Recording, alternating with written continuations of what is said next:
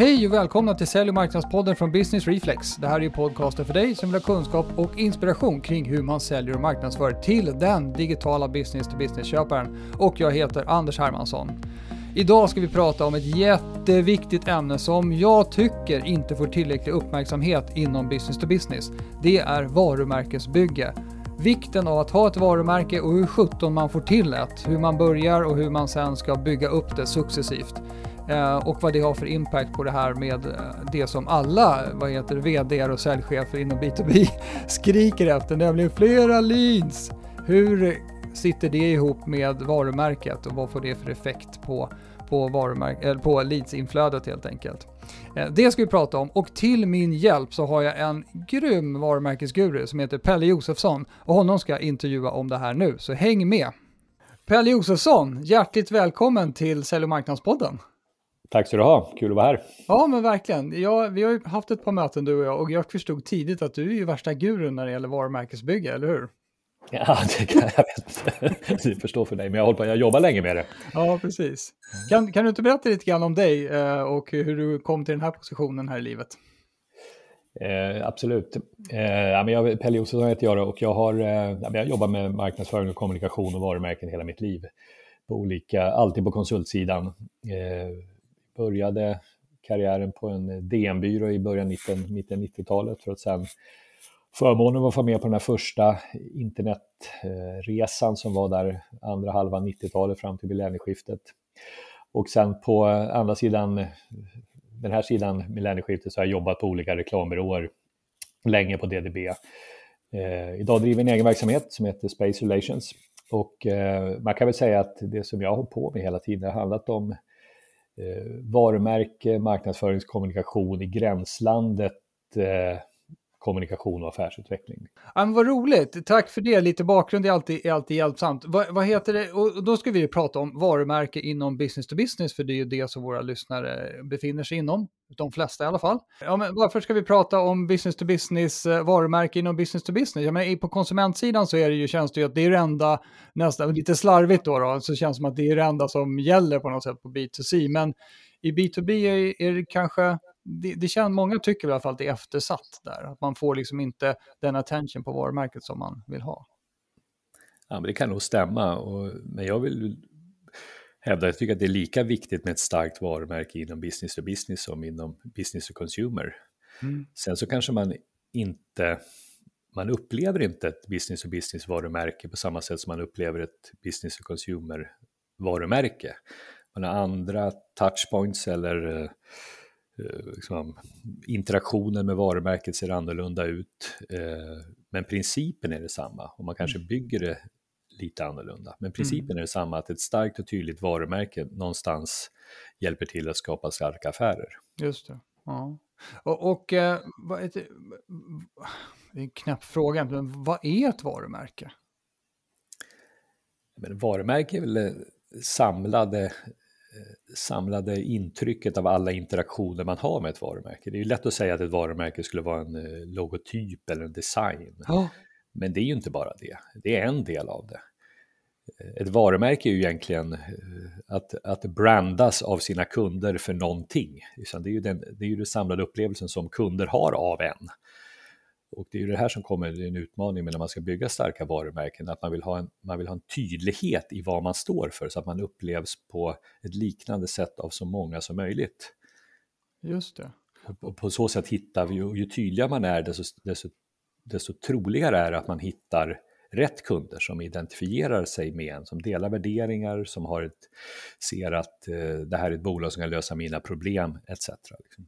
Just det, just det, man kan väl troligtvis inte vara ett varumärke för alla. Nej, då är man nog inte i alla fall ett jätteengagerande varumärke. Tror jag. Nej, just det. Där alla, men därmed, därmed för ingen på något sätt. Ja, precis.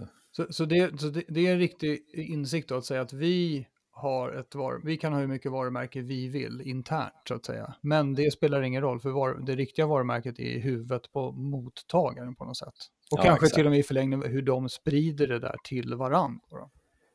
Ja, det är ju ett sätt att, eh, ja precis, det är ju att ha ett starkt varumärke som är, som är tydligt som, och sen man är så om man då är så attraktiv så att folk vill prata positivt om det så är det ju en fantastiskt bra väg att nå ut till fler med sitt varumärke. Ja, exakt. Det är starkt. Eh, jag, jag tänker på det här med, med varumärken på... Ja, ja, det blir så här, man är, vi är alla konsumenter, så man relaterar ju ofta till, till den situationen. Men det känns som att det är väldigt populärt i B2B-sammanhang, eller förlåt, B2C-sammanhang, att det kopplas till liksom livsstil. Men sen har vi vissa varumärken kanske på B2B-sidan då som, jag vet inte, ska man försöka koppla det till det även inom B2B eller hur ser du på det? Jag vet inte vad man menar med livsstil där, men någonstans, eh, om man tänker sig att ett livsstilsvarumärke blir ju det därför att man vill associera sig med en viss typ av livs, livsstil, mm. att man är på ett visst sätt. Och det är ju samma, tror jag, gäller ett, eh, ett företag som ska skapa ett B2B-varumärke. Man måste börja i sina egna värderingar, vad man, vad man tror på, vad man, varför man finns till, vad man har för vision för verksamheten, hur man vill göra affärer, för att sen förstå liksom, hur ser marknaden där ute eh, ut och eh, försöka formulera, liksom, okej, okay, det, här är, det här är det vi kan, det här är det vi är duktiga på, det här är vad det marknaden be behöver. Att man utifrån det då kan formulera en, en, en tydlig historia om eh, det här, det här är vi, det här är vår roll på marknaden, så här vill vi upplevas och så här kommer vi agera. Mm.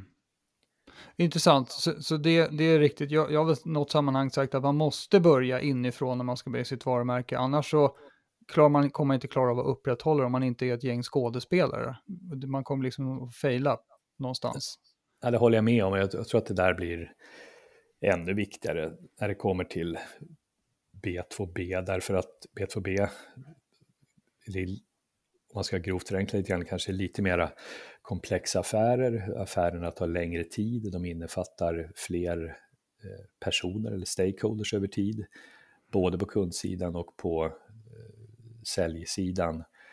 Och att det är människor som gör affärerna. Mm. Och om människorna inte bottnar i eh, varumärket, varumärkeslöftet och vad företaget ska stå för, tillräckligt djupt, då, då, kommer det inte att hålla över tid. För då kommer den här historien som man vill få ut, den kommer att få för många olika eh, avarter. Den blir mm. inte tillräckligt tydlig. Liksom. Just det. Hur, hur ska man då internt, för det, jag har varit med i diskussioner, ändlösa och fruktlösa diskussioner om vad som är mission och vad som är vision och sådana där saker. Hur, har du något, något sätt som du tycker man borde beskriva utgångspunkter för varumärket för, internt till att börja med? Ja, jag, jag, tycker att man, jag tycker att man ska börja, alltså det är jätteviktigt att börja internt och man bottnar internt, men, men jag tycker ändå att man ska börja externt. Jag tycker att man måste förstå sin marknad och man måste ha en uppfattning om hur, hur marknaden ser ut. Man måste ha någon form av insikt i marknaden som ligger till grunden för ens varumärkeslöfte. Som någonstans har identifierat en möjlighet att här kan vi, här kan vi tjäna pengar, här kan vi, har vi en roll att fylla. Och när man har identifierat det, då kan man liksom börja övergå att formulera mer liksom en... Man har slagit fast att det här är insikten, den här luckan i marknaden, den ska vi fylla. Då kan man börja definiera sin egen roll. Mm, okay. Och när man har sett då, och den rollen, den kan bara gö- den, den kan bara vi ha, just den rollen. Fler företag kan se olika man kan, man kan göra samma nulägesbild och ha samma insikt kring vilka möjligheter finns på marknaden, men rollen man vill ta, den är avhängig vem man själv är, vilka egna förmågor man har, eh, vilken historia man har, eh, vilken ambition man har framåt och så vidare. Och när man har formulerat den här rollen, då har man liksom någonstans hittat att sin plats på marknaden. Och från den rollen, då kan man formulera ett löfte. Ja. Och det här löftet är någonstans grunden tror jag för varumärket. Det är löftet för vad man kan förvänta sig av det här varumärket när man i alla interaktioner med det. Ja, ah, jag förstår. Jäklar vilken bra formulering. Tack. För jag, jag, hade, jag hade tänkt på det lite annorlunda, så det här var ju super, superintressant. Att det, det gäller då såklart att förstå vilket, om man säger problem man adresserar eller vilken utmaning man adresserar hos någon form av målgrupp. Men sen gör vi det på vårt sätt. Ja, exakt. Där kommer kopplingen liksom. Så att man, är, man ser till att man förhoppningsvis är relevant till att börja med. Sen så ska man vara sig själv efter bästa förmåga då. då. Ja, Mm. Och det är ju när man kommer till det här då, när man säger förstå att vara sig själv. Det är ju lätt att säga, men att, men att definiera vad en själv betyder. Mm. Det, där, det kräver ju sin övning, att förstå vad är det man kan förvänta av oss, vad är det vi ska leverera på i alla olika kontaktytor med våra kunder mm. så att den här varumärkeshistorien och löftet blir stringent i alla kontaktytor. Just det, ja för annars blir det urvattnat och förvirrande antagligen. Eller... Ja exakt, mm. och, då, och, och då kommer man väl över till att liksom, man ska bygga ett varumärke, då vill man ju kanske starta i de kontaktytorna som har mest påverkansgrad. Och då måste man ju förstå vilka de är. Ja, och, och då, då, då brygger man över till någon sån här kund, kundresan. Just det. Och, och, så finns det ju, då kan man ju tänka sig att det är klart att vi, vi gör ju en massa marknadsföring även i B2B-sammanhang med annonser och content och allt möjligt sånt. Men det är ju en stor del av, det är ju alltså person till person interaktion som är varumärkesbyggande i ganska stor utsträckning inom B2B, tänker jag, med säljresurser och eh, experter av olika slag, pre-sales, eh, folk och eh, konsulter och så vidare. Så då då måste man ju glida in på det här med rekrytering helt enkelt. Man kan ju inte anställa vilka som helst då, då bara för att de kan en viss sak. Nej, och jag kan tänka mig också så här att ju starkare varumärke man har, som är, och det, med det kommer kanske att vara känd, men också för känd för rätt saker, så är, underlättar ju det i rekryteringen för att rekrytera rätt personer. Ingen mår, ju, ingen mår ju bra, varken anställda eller eh, arbetsgivare, av att man har personer som inte hamnar rätt, som inte delar värderingar, som inte kommer till sin fulla rätt. Liksom. Just det. Har du någon, någon uh, känsla eller något tips för hur man då försöker ha koll på det där med sitt varumärke när man också ska rekrytera folk? Alltså hur, hur, gör, man, hur, gör man, hur ser man till att man inte glömmer bort den aspekten? Att det är som någon skön snubbe som kan det här så vi anställer honom eller henne.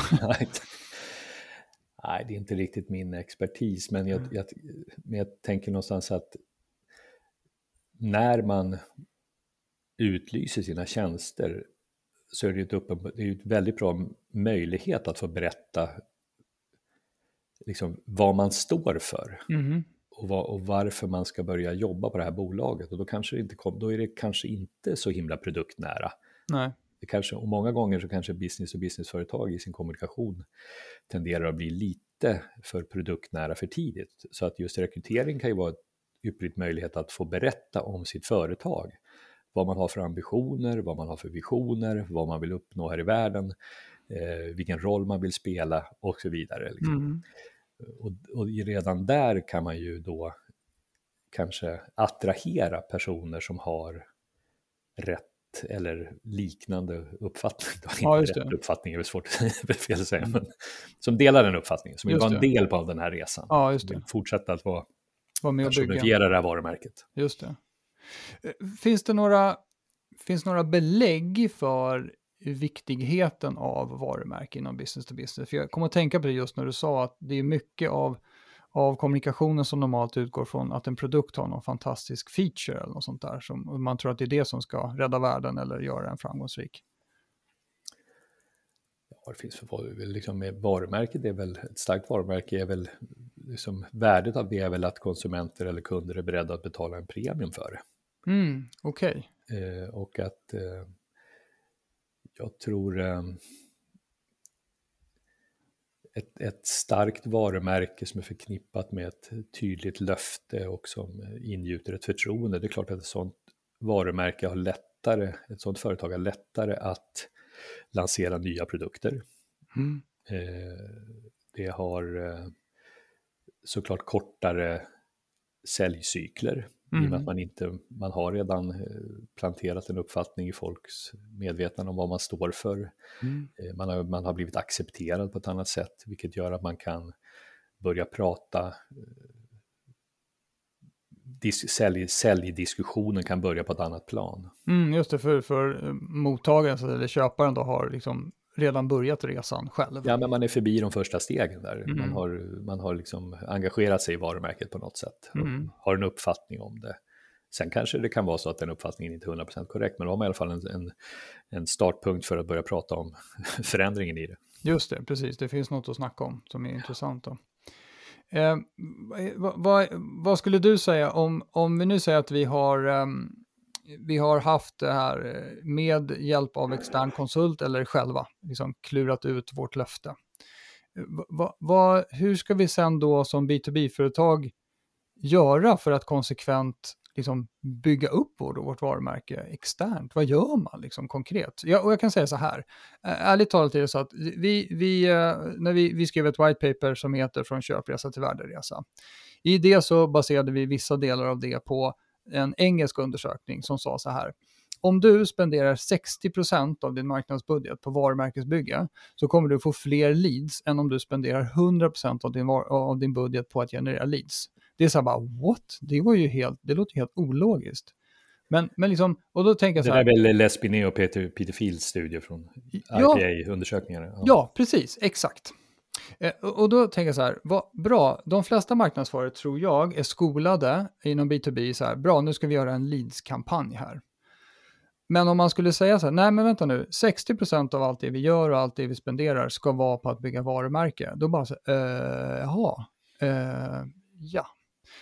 Vad fan ska man göra då för någonting? För att göra det där istället då för att göra en hård på konverterande kampanj till exempel. Vad gör man liksom istället? Ja, det handlar om frågorna man pratar om. Och, och, och, så man, man pratar inte kanske då om, om sin produkt och så här, boka demo här, utan man pratar om andra saker. Men liksom mer konkret, vad gör man? Ska man, eh, ska man ta över Stureplan med stortavlor eller vad ska man göra? Liksom?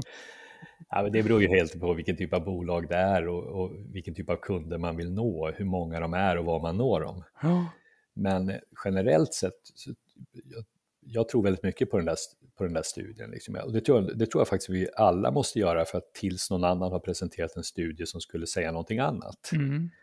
För jag, jag och de jag pratar med eh, som jobbar med de här frågorna har ju, all, har ju intuitivt känt det här i magen av att när man har gjort kommunikation och kampanjer som pratar om, som vågar ta fram ta tag i de lite större frågorna så frågor som handlar om eh, vad vi står för, varför vi finns till, vilket värde vi skapar och inte nere direkt och bara säger kom och köp exakt den här produkten just nu. Mm. Då säljer man mer av den där produkten också. Mm. Och, jag, och, då börjar man så tänka sig, varför är det så då? Liksom? Och, då, vi, och det är väl för att vi människor, vi vill, vi vill tillhöra någonting, vi vill, vi vill vara med i någon klubb någonstans. Vi, väl, vi väljer någon, och, någon att tillhöra, mm. någon grupp att tillhöra. Och ju tydligare man som företag kan vara om att säga det här är en grupp, den här gruppen som heter bolaget X, vi står för de här sakerna. Eh, då är det klart att om man kan få då folk att välja det där, då, då är det naturligt att de också köper ens produkter sen. Liksom. Mm. Eh, och eh, och där, jag, jag, tror att det här kanske är en, egentligen ännu viktigare när det kommer till B2B, för att när det kommer till business och business så är det oftast ganska, det kan vara många gånger vara större affärer, det är kanske lite mera komplex, komplexa relationer i det här affärs, affärsskapandet. Man investerar både mer tid i relationen, man, det kanske investeringarna, monetära investeringarna är mm. större. Mm. Det kanske också är så att man på var sin sida också gör vissa eh, liksom, investeringar i, i, att förändra sin organisation så att underleverantör och eh, köpare liksom möter varandra på ett smartare sätt. Det, det, det är, det är inte så, och med allt det kommer ju en större fallhöjd om det skulle bli fel. Mm, just det. det, det man investerar i ett partnerskap. Ja, man investerar i ett partnerskap mm. och någonstans och då vill man vara väldigt säker på att den här partnern är någon som delar ens värderingar, som man kan eh, liksom växa tillsammans med. Mm och allt det här är ju att, är ju att eh, få ett förtroende och, och, och, sänka risken i relation. Och det mm. tycker jag är väldigt mycket av varumärket mm. i business och business-kontext. Just det. Så, så okej, okay, bra. Så då har vi kommit ett steg på vägen här. Vi, vi, vi skulle kunna ändra innehållet i vår kommunikation och våga prata om, om saker som är som så lite högre upp, om man säger så, än produkt features eh, och argument, uspar liksom. Så det är det ena. Eh, eh, finns det något att säga, jag förstår att det är liksom så himla situationsberoende, men finns det något att säga om hur man kommunicerar det här? Eh, alltså, på mer taktisk nivå om man säger för att komma ut med varumärket? Ja, nej men alltså det är ju, måste ju vara, det är ju precis, precis som eh, vi är ju, eh, vi människor tror ju gärna oss själva vara rationella varelser, mm. men vi är ju inte det. Vi är ju emotionella djur som sen försöker förklara varför vi fattar ett beslut med, på rationella grunder. Ja, just det. Så att när det kommer till om, vi, om man vill vara med i det här gänget, om man vill, eh, om man vill engagera människor i någon form, då måste man vara emotionell i sätt, sätt man pratar. Mm. Och man måste engagera med, eh, ja, men det är samma sak, du, du går inte att titta på en film som är en instruktionsbok från hur du skriver ihop en Ikea-möbel, mm. utan du vill se en, en berättelse om kött och blod, eh, om eh, Kanske ett dåligt exempel, men, det, men alltså, det finns ju lika mycket studier som visar att det, emotionell kommunikation är mycket mer framgångsrik än rationell kommunikation. Just det, flytta ner från huvudet till magen på något sätt, att, ja. att det ska kännas. För, för, det är ju, då tänker jag också så här, men då, då kommer vän av ordning och säger så här, ja, jättebra om vi är Rädda Barnen, kör på, men vi säljer faktiskt svarvar på det här företaget tala om för mig hur jag ska bli liksom känslomässigt engagerande kring våra, vårt, vårt core som är svarvar. Ja, men om man, om man pratar exakt om vilka skruvar och muttrar som ingår i den här svarven, då, då kan jag se att det kan vara en utmaning kring det. Men, men om man börjar titta på vad svarven gör och, och, vad den kan leda till och vad den har för... Om man gör den här lädringsövningen och tittar på vad leder det till då? Och sen så pratar vi om att eh, i nästa steg, vad leder det till då? Då börjar vi slut, till slut hamna någonstans i människors liv. Ja, ah, okej. Okay. Och eh, där, där finns ju ett grogrund för emotionellt. Sen kan det kanske kan prata om vi, oss som företag, vad vi står för, mm. varför vi gör svarvar, eh, vad vi vill uppnå med att göra det. Då är det genast lite intressantare historier. Mm. Så jag tror att det är liksom att man måste ändå någonstans försöka sätta de här äh, historierna så att man kan relatera till dem på ett mänskligt plan. Mm. Och sen så är det klart så här, och det betyder, men, men sen så, du, var, du nämnde ju då de här 60-40-regeln, någonstans de här 40 procenten. Någonstans när man kommer lite längre ner i köpcykeln, då måste man ju ändå förklara prestanda eh, och alla den typen av tekniska fakta och sånt som, som ligger till grund för att man ska ändå men det är ju lite mer det som kommer stå på fakturan tycker jag. Mm. Ja, det, det, det, hjälper folk att rationalisera ja. sitt känslomässiga beslut. jag, jag jobbade massvis med år med McDonalds och varumärke för dem, där, där, var det ju lätt att man var ute och pratade om kom och köp den här produkten, just den här hamburgaren. Mm. Men man insåg ju någonstans att den stora utmaningen var slaget i huvudet på folk, det var att välja McDonalds för någonting annat. Just det. Så det var mycket viktigare, för sen när man väl kom in, sen, sen kan restaurangen ta hand om vilken, vilken hamburgare man ska köpa. Ja. Men att få folk att välja McDonalds för något annat, det, det var kommunikationens absolut viktigaste uppgift. Liksom. Just det, jag är sugen på något nu, ja men då ja. åker jag till McDonalds. Då måste associationsbanan till McDonalds vara mm. starkare än bara just, det borde vara en, ja, en hamburgare, för det kan Nej. flera förse oss med. Liksom. Och principen är ju exakt densamma för svarvföretaget. Mm. Just det, vi, vi är ute efter något sånt, vi är sugna på det här, ja men då ska vi gå till Anderssons svarv. För det ja. är ju, mm, just det. Och sen, sen har det de, de ja. lite olika svarvar sen som man kan välja på. Så att ja. Sen är det klart att Anderssons är de enda bolaget i hela världen som har just den där svarven. Mm. Ja, just det. Ja, ja, precis. Ja, jag, jag fattar, eh, men, men eh, vi pratar ju som sagt det är ju oftare så att man inte är ensam på jordens yta om man får en viss produkt, kan man ju säga. Ja, det kan man nog konstatera. Det kan man ju vara eniga, tror jag. Precis. Eh, jag tänker på det här med, med varumärkesmätning eh, och eh, hur, hur, ska man, hur ska man få koll på, om man säger så här, ja men titta, det ser bra ut i böckerna, vi säljer bra, men hur ska man få koll på om man då lyckas med sitt varumärkesarbete så att säga? Någon tidig indikator på det eller, eller så? Eller ja, hur, hur gör man liksom för att mäta det där på den vänster? Den översta är ju liksom någon form av så här, kännedom, tycker jag ändå. Mm. Liksom, är vi... Grunden är ju ändå att vara känd. Just det. Och sen så känd, känd för rätt saker. Mm. Eh, och då är liksom de här attributen som man har listat som ska vara beståndsdelarna och byggstenarna i varumärket. Det är ju de man får börja mäta och säga att man, eh, och det här finns ju korrelationer då mellan att man man kanske mät, mäter någonting som man vet mäter ett attribut som man vet driver ett annat attribut. Okay. Eh, mm. Men eh, där får man ju ta hjälp av experter just på mätningen. Liksom. Mm. Jag har, jag har ett, ett, ett super liksom, pragmatiskt tips om det med varumärkeskännedom. Jag brukar säga så här att eh, mät eh, direkt-googlingen på ditt varumärke och eh, den trafik du får in på, på det, på ditt varumärke och direkttrafiken till din sajt. Då tänker jag så här, det, det är i alla fall ett superpragmatiskt sätt att se, okej, okay, ökar den, ja men då kan vi säga att då är flera som åtminstone känner till oss. Ja, det är jättebra. Det kan alla göra som har ett analytiskt konto. Precis. Och, och, men sen just det där, okej, okay, vad tycker de om oss? Och den blir ju klurigare då. Då blir det väl... Och det är klart att någonstans, sen, kan man ju, sen kommer man in då så här, ja, vi var mer kända, vi attraherade personer. Mm. Om man då håller, ligger kvar i Google-världen så kan man väl titta på om det är så att folk också stannar lite längre på sidan. Ja, just det. Så här, då har vi nog uppnått någonting på relevansparametern. Mm, Rimligen har vi då attraherat rätt typ av personer. Ja, just det. Så att där, nej men det där finns ju, där finns ju jättemycket faktiskt när du säger det som man kan göra dagligdags faktiskt med egna kopior mm. som man, utan att man behöver ta in externa undersökningar. Mm, eh, sen kanske man också vill ha reda på lite mer av de som faktiskt inte kom dit. Mm. Ja, just det. Exakt. det, ja, precis. För det är, allt, det är precis. Click-through-raten är ju bara ett par procent. Så vad gör de andra 98? Varför ja, valde de och inte? det finns ju lite där om man ja. tänker sig, om man vill ha tillväxt, vilket många vill ha, just det. så är det ju Då måste man försöka nå dem nya kunder inte, också. Va? Exakt, som valde att inte. Ja, precis.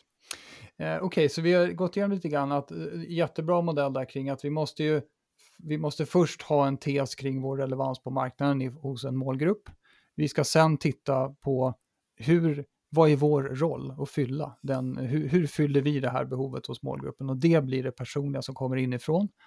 Och inom B2B så kan man väl kanske konstatera då att mycket av kommunikationen är personberoende, så vi behöver liksom på något sätt se till att ha en koll på det eh, och värderingsdriven kanske rekrytering då för att få till det. Och jag menar, det är ju bara det handlar ju om att de som har direkt kundkontakt måste ju vara rätt personer såklart, men det är också indirekt. Alltså de som jobbar på marknadsavdelningen på det här företaget måste också fatta grejen och gilla det såklart. Annars blir det ju fel i marknadsföringen. Så då har vi som koppling till personerna där. Eh, och, och, sen så sa du någonting om att det här med, om vi skulle dyka ner lite grann på det här med attributen, skulle du kunna expandera lite grann på det? Vad, vad, om man går in lite mer kirurgiskt på varumärket, så vad det är då uppbyggt av? Vad, vad är, kan du ge ett exempel på det? man kan väl titta på en grej som man måste lägga till i din listning där när man mm. väl har kommit så här långt. Det handlar om att man är distinkt i hur man eh, uttrycker sig. Mm.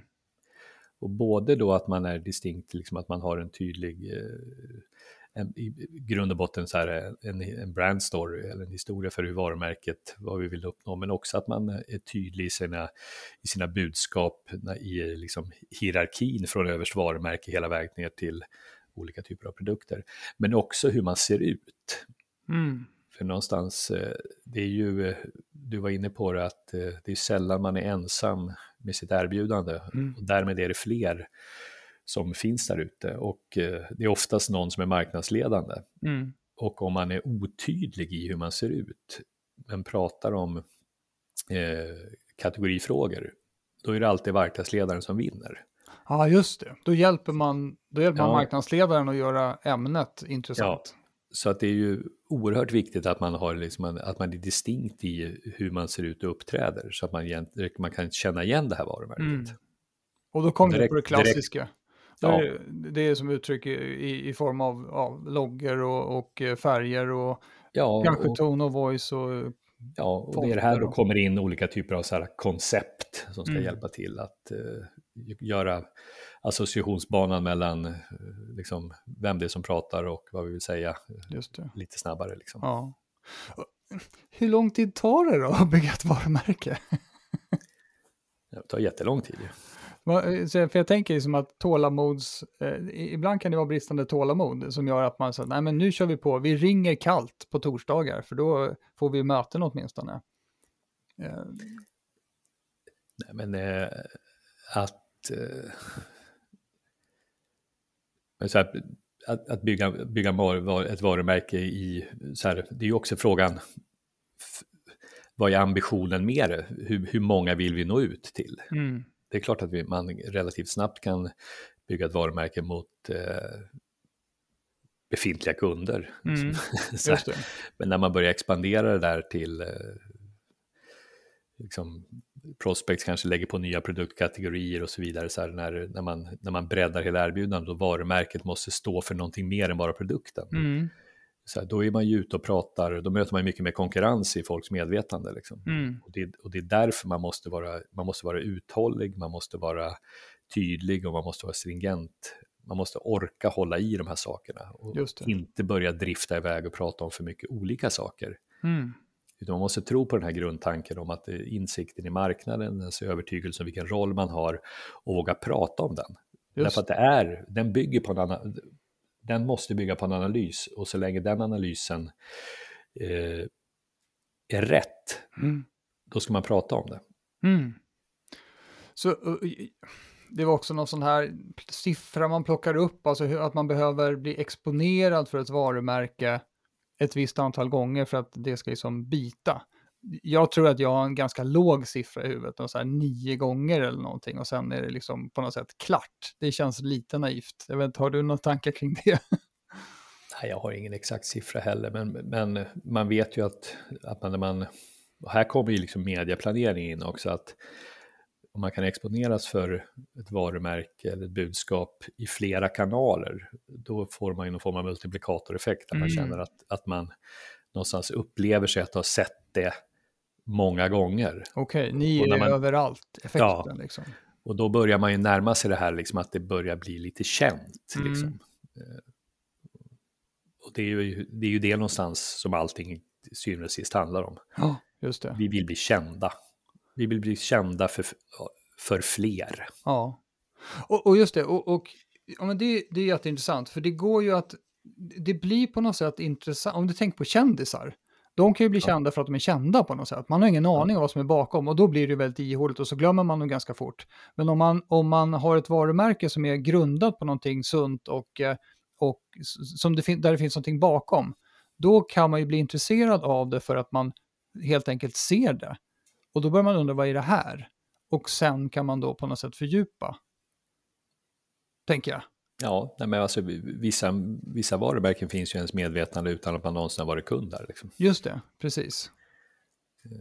Man kan till och med aspirera på att bli kund. Man skulle hemskt gärna vilja där, för att, fast man har inte råd just nu. Du är sugen på den där svarven. Ja, exakt. exakt. Man, man skulle gärna vilja ha en sån istället för den här sunkiga som gnisslar. Ja, exakt. Ja. Nej, men det är väl klart att om man tittar... Sen tycker jag det kanske är intressant att se att många av de absolut starkaste varumärkena idag är digitala varumärken mm. som eh, inte är speciellt gamla i förhållande till många av deras eh, andra starka varumärken. Sant. Och eh, som många gånger också inte har byggts med hjälp av det som jag kallar för traditionell kommunikation, utan de har snarare byggts utifrån en otroligt stark funktion. Ja. De, har löst, har löst ett problem. Eh, och sen så har det, har det liksom, eh, när, i och med att det är en digital produkt så upplever man produkten eh, i närheten av där man kunde också ha eller kommunicerat den. Liksom. Så det där är nog en, kanske kan man ju tycka så att det där är totalt ändrar spelreglerna för när man bygger, bygger varumärken, men i grund och botten så vet jag inte om det har det. Liksom. Nej, det Utan finns... Jag tror, att det, jag tror nog att det är samma mänskliga liksom, drivkrafter i eh, varför man väljer något eller inte väljer något. Och från, utifrån ett företagsperspektiv så är väl insikten av att det här är vår roll på marknaden. Oh, vi har det. hittat ett gap, vi har lyft den. Eh, däremot kanske en, en tjänst på nätet är mycket mer kommunikativ i sig än den här svarven vi pratar mm, om. Just det, och det glider ju mellan. Det glider mellan där, ja. och, och, det är klart att där har ju den typen av företag eller tjänster en, eh, en, eh, ett för, en fördel gentemot fysiska produkter. Mm, just det. det är inte så stor skillnad mellan, alltså Nej. någonstans så sker, så byter pengar ägare, men långt innan dess har en massa andra saker bytt, alltså tid mot eh, lite brand exposure och ja. sådana saker. Det, sen glider helt enkelt över till någon sorts free trial kanske och då är man helt plötsligt inne i det där. I, ja. Man är kund utan man egentligen kände att det var så stor skillnad. Exakt. Mm. Okej, okay, du, så här, eh, vilken, vilken bra, vilken bra liksom, överflygning av det här med varumärke. Och eh, om vi bara påminner nu alla, alla vd och andra som lyssnar på det här om att det är faktiskt avgörande att, att också koncentrera sig på att bygga sitt varumärke och se till att bli känd för rätt saker. Det kommer att ge effekt, men man behöver ha lite tålamod där. Jag, jag, eh, mitt argument för motsatsen, eller så att säga det jag hör, det är så här att om man bara kallringer så kommer det aldrig någonsin bli lättare. Troligtvis svårare och svårare. Men om man har en varumärkesbygge i grunden så kommer det att bli lättare om man lyckas med det. Stämmer det eller? Ja, det är helt övertygad om. Mm. Alltså det är väl ganska givet att om man ringer upp någon och säger hej, jag ringer från bolaget X. Mm. Eller hej, jag ringer från Sandvik. Ja, just det, precis. så, så, känns ju det är att, hela, att, att, bli, att man redan vet vilken som ringer, mottagaren har en uppfattning om och man är accepterad. Mm, just det. Då är det klart att man närmare kommer till någon form av substans i det där samtalet. Exakt, eller att det inte säger klick i örat. Nej, eller hur. Det, det är färre klickningar då. Exakt. Ja, men grymt. Du, Pelle, eh, då har vi pratat om, om olika saker. Jag tror vi har belyst vikten av varumärket. Vi har pratat lite grann om var man behöver börja och i vilken ordning man ska ta saker. Eh, och sen finns det säkert mer, eh, mycket, mycket att, att, gräva i det här, hur man så att säga kommer fram till exakt vad det ska vara för, för varumärkeslöft och sånt, hur man formulerar det. Men det får vi kanske lämna till en annan podd. Men om vi nu tänker så här, att man blir lite inspirerad av vårt samtal här och tycker att, ja, men vänta nu, vi måste få ihop det. Vad, vad skulle du föreslå är absolut nästa konkreta action som, som uh, man borde ta som uh, uh, företagare här? Jag, tror man, jag tycker att man ska samla, liksom, för att det här ska bli på riktigt så måste du börja eh, på toppen mm. företag. Det måste vara, ett varumärke blir aldrig starkt om det inte är viktigt för ledningen. Mm. Ledningen måste ha fokus på det här. Så att, jag tycker att man skulle samla ledningen och försöka då belysa eh, varumärket utifrån det vi pratade om tidigare. Men så vad, vad har vi för, hur ser, eh, hur ser vår marknad, vilken roll är det vi kan fylla på den här marknaden? Vad, är vad ligger intresset där ute? Hur, hur eh, någonstans känselspröt ut? Mm. Och då då tycker jag, min erfarenhet är att det är ganska bra när man pratar både med säljare och produktutvecklare. Mm. och så kan man få marknadsperspektiv på det, för då får man ganska bra spread av mm. vad verkligheten är här och nu och vad, vad, vad, vad, kunderna, vad kunderna vill ha. Och utifrån det där, och det där behöver inte, och sen så kanske man kan intervjua lite kunder, man bör göra det, eh, göra en liten konkurrentanalys för att titta på så här, hur uttrycker sig våra närmsta konkurrenter. Mm. Eh, och utifrån det så är en, en bra grund till att skapa en insikt och förståelse kring marknaden. Och därifrån kan man då börja gemensamt att formulera den här uh, uppfattningen om vår roll på marknaden. Mm. Så här. Det, är, det, det, är, det är en form av basen i alltihopa. Ja. Och, och sen så tror jag en, en jätteviktig del i det där, det är att man formulerar sin ambition och sin roll och sin varumärkeshistoria på ett, på ett engagerande sätt. Mm. Så att man internt och externt vill vara med på den här resan, man vill vara en del av det, man vill bidra. Just det. Det, det, det, nu kommer jag på en annan grej. Ah, vi får inte sluta, vi skulle summera nu, men jag kom på en annan grej. Det här med, med storytelling kring ett varumärke. Hur ser du på historia? Alltså ska man, ska man vara noga med sin backstory om det finns något sånt där? Kan man, kan man få hjälp av det? Ja, jag tror att alla... Här, vissa företag är ju nystartade, de har ingen historia, men de Nej. har en historia om varför de startade. Ja, just det. Eh, företag som har funnits länge, de har jättemånga historier. Mm. Problemet är att många berättar olika historier. Mm. Där tycker jag mycket mer handlar om att säga så här, vilken av alla våra historier som har hjälpt till att bygga den här framgången mm. är det som är mest relevant framåt? Just det. Vilken ska vara, vilken ska vara vår huvudhistoria? Och den historien måste ju vara den historien som hjälper till att driva affären bäst. Just det. Mm. För det är då först man får liksom en... Det är först då ekvationen av att ett starkt varumärke driver affären på riktigt fungerar. Just det, det är då det går ihop. Grymt, tack. Du, Pelle, om man vill få tag på dig och prata med, med dig om sådana här saker, om du nu vill att folk ska kontakta dig förstås. Ja, det får de jättegärna göra. Ja. då kan de mejla mig på pelle spacerelations.se Space Relations och starta, stavas med Z. Okej. Okay. Baserelations.se. Jag gör så att jag lägger in din mailadress i show notes här så kan man bara klicka där om man vill mejla dig och snacka mer om varumärken. Kul. Det blir bra det. Du, vad tack. roligt att prata med dig. Ja, men vad kul. Ja. Tack så jättemycket för att du var med i Sälj marknadspodden. Ja, tack för att jag fick vara med. Ja. Ha det bra. Hej, hej. Ha det fint. Hej.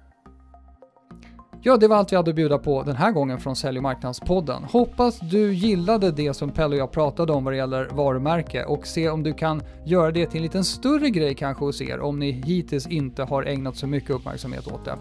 Eh, ta eh, möjligheten och samla ihop gänget och prata om vad det är för position på marknaden, vilken målgrupp ni går emot och vilka ni vill vara tydliga för, vilken roll ni har där och sen prata om på vilket sätt ni fyller den där funktionen, alltså ert varumärke.